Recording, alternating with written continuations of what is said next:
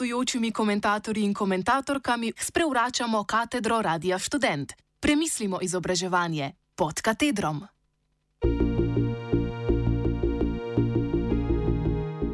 Šole, podaljški političnih strank.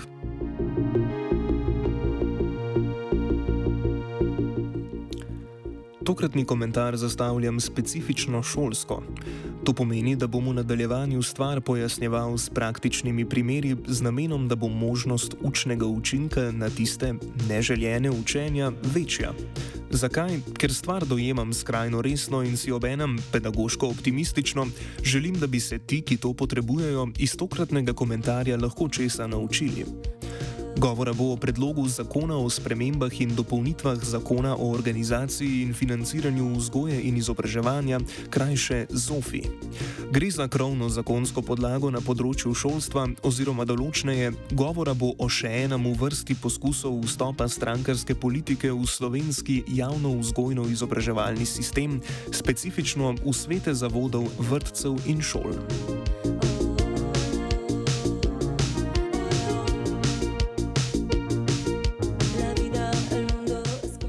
Kje torej politiko čevelj žuli? V javnem prostoru je vsaj od nastopa aktualne vlade prisotno prepričanje, da si slednja želi polestitve vseh resorjev, prek katerih bi lahko vplivala na javno mnenje državljanov. Je potem takem sploh bolje poskusiti kje druge kot v vrtcu oziroma v šoli? Ne na zadnje je jasno, da gre za ideološka aparata države, ki dosežeta praktično celotno populacijo. Ta boleči žul, metaforično rečeno, poslanci in poslanke strank SDS, NSI in SMC skušajo tokrat predreti pri sestavi svetov zavodov. Če je aktualno razmerje vsaj na papirju v prid strokovnim delavcem šol in vrtcev, z razmerjem pet predstavnikov zaposlenih, trije predstavniki občine in trije predstavniki staršev, si predlagatelji spremembe zakona želijo, da bi imele občine pet, starši in zaposleni pa po tri predstavnike.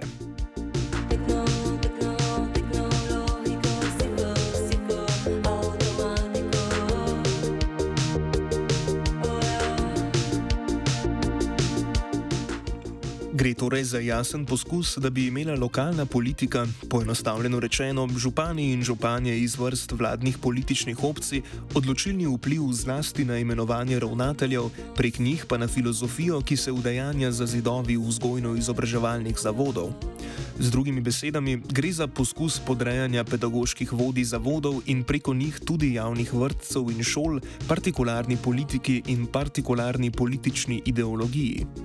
Edukacijska načela pluralnosti, kritičnosti in poučevanja znanstveno potrjenih resnic s tem splavajo po vodi.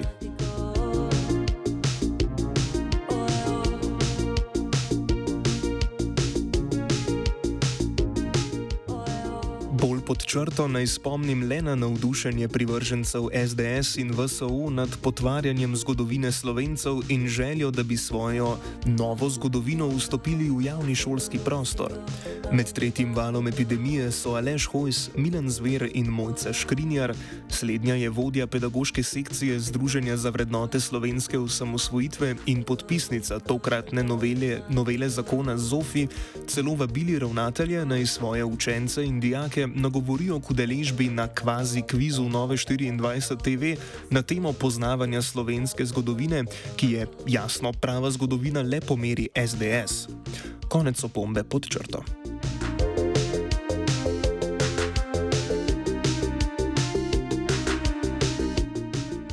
Seveda se pričakuje, da si bodo vladajoči izmislili dobro namerne utemeljitve, s katerimi bodo prikazovali nujnost tokratnih zakonskih novitet. In pohvalimo jih, tudi tokrat so se te naloge nad vse pridno lotili. Prav zares, domislili so si tudi novih besednih zvez, da bi predlog le deloval strokovno. Poglejmo si le dva izbrana zapisa. Pozorni bralec pa jih bo v predlogu spremembe zakona seveda našel še več. Predlagatelji v obrazložitvi sprememb zapišajo, da je, citiram, pomembno opozoriti na problem sestave šolskih svetov, ki imajo upravno-nadzorstveno vlogo, hkrati pa se soočajo s težavami pri izbiri in imenovanju ravnateljev. In še. Ravnatelj je v obstoječi sestavi sveta prisiljen biti všečen zaposlenim, kar pomeni, da je šibak ravnatelj, ki ob težkih strokovnih odločitvah ni zmožen podpreti pravic svojih zaposlenih, kot to potrebujejo. Konec navedka. Naravnost inventivne domislice se ne zdi, a pojdimo po vrsti.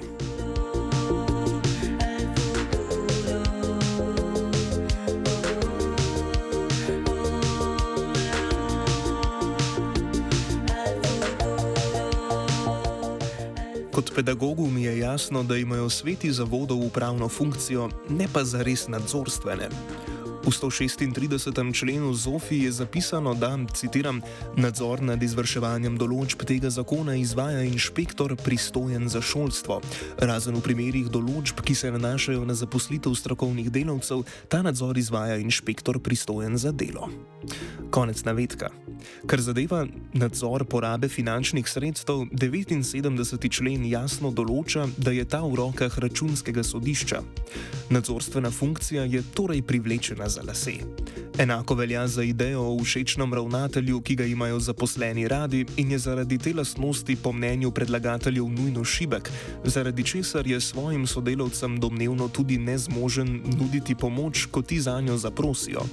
Oziroma drugače, le neušečen ravnatelj je nujno zmožen nuditi pomoč zaposlenim in je, je obenem tudi močan ravnatelj, karkoli že to pomeni.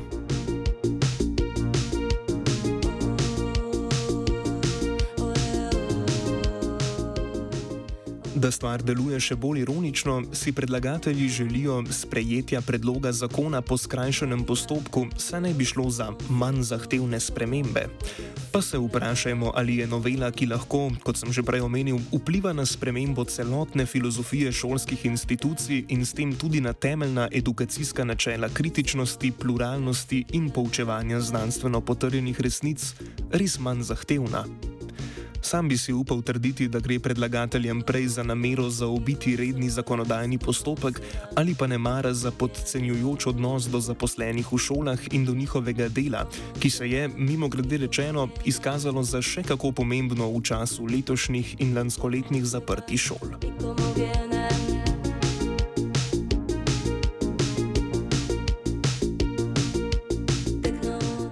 V luči povedanega je 22. oktober v državnem svetu potekal posvet z naslovom Politizacija slovenskih vrtcev in šol, na katerem se je poleg že omenjenih dilem zastavilo tudi vprašanje, ali v obstoječi strukturi svetov zavodov nismo morda že priča prevladi državne politike nad javno vzgojo in izobraževanjem. Ne na zadnje so tudi starši in učitelji ter drugi člani svetov zavodov politično opredeljeni. Na tej točki moram biti v svoji misli dosleden in odgovoriti s pritrdilnim da.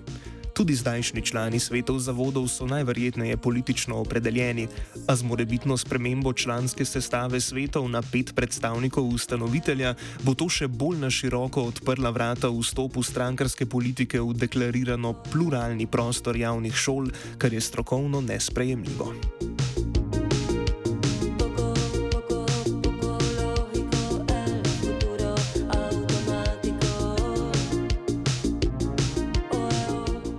Konsekvence sprejetja predloga pa bi bile lahko tudi pravno sporne.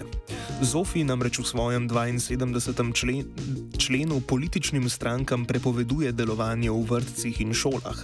Zanimiv se mi zdi zlasti drugi odstavek tega istega člena, v katerem je zapisano, da se dejavnosti, ki niso povezane z vzgojo in izobraževanjem, lahko izvajajo v javnem vrtcu oziroma v šoli le z dovoljenjem ravnatelja. Le kakšna dovoljenja bi to lahko bila, če je ravnatelj odkrit politični pripadnik, more biti za kakšen pseudopedagoški VSO dogodek.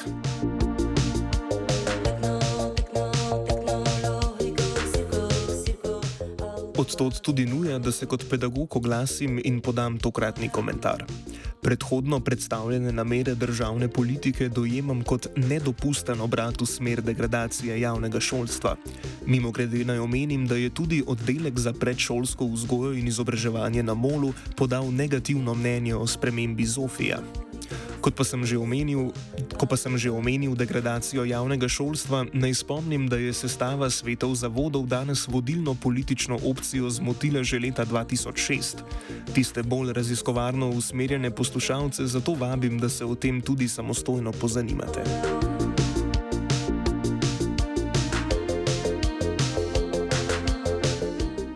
Šolska zakonodaja pa letos ni na udaru prvič. Poslanke in poslanci so 15. julija 47 glasovi za in 43 glasovi proti potrdili predlog novele za spremembo financiranja zasebnih šol. 17. junija je odbor državnega zbora za izobraževanje predlog tudi sprejel in s tem prižgal zeleno luč finančni favorizaciji zasebnega šolstva. Zasebne šole, ki izvajajo javno veljavni program, so bile prej upravičene do 85 odstotnega sofinanciranja javnega programa iz državnih sredstev. Sprememba, ki velja od konca julija, pa državi ponovem nalaga 100 odstotno financiranje obveznega programa zasebnih šol z javnim programom in 85 odstotno sofinanciranje njihovega razširjenega programa, seveda ob šolninah, ki jih te šole prejemajo od staršev svojih učencev.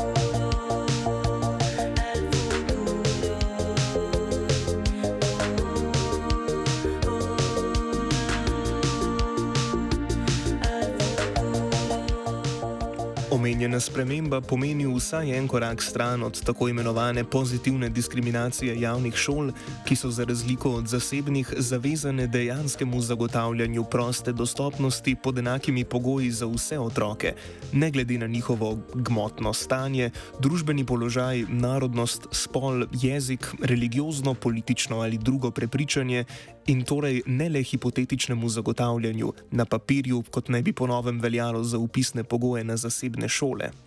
Le retorično in kanček tudi provokativno se sprašujem, ali da nimo enako velja za katoliško šolo, za katoliško osnovno šolo Alojzija Šuštarja v Ljubljani.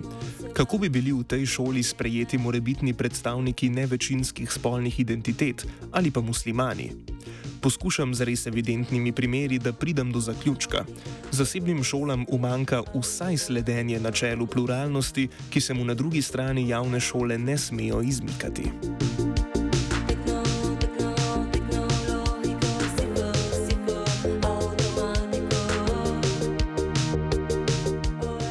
Oba omenjena predloga, tako ta o financiranju zasebnih šol, kot prej opisani še nesprejeti predlog, ki predvideva spremembo sestave svetov vrtcev in šol, predstavljata možnost za udejanjanje partikularnih strankarskih interesov. Naj zato zaključim z mislijo: javne šole so skupno javno dobro predstavljajo prostor srečevanja pluralnosti in učenja demokratičnega ravnanja, so prostor tolerantnosti in spoštovanja različno mislečih. Kakršnikoli poskusi v smer degradacije tega prostora so zato zavržni in strokovno nedopustni. Gostujoči komentar je prispeval Jaka Klun.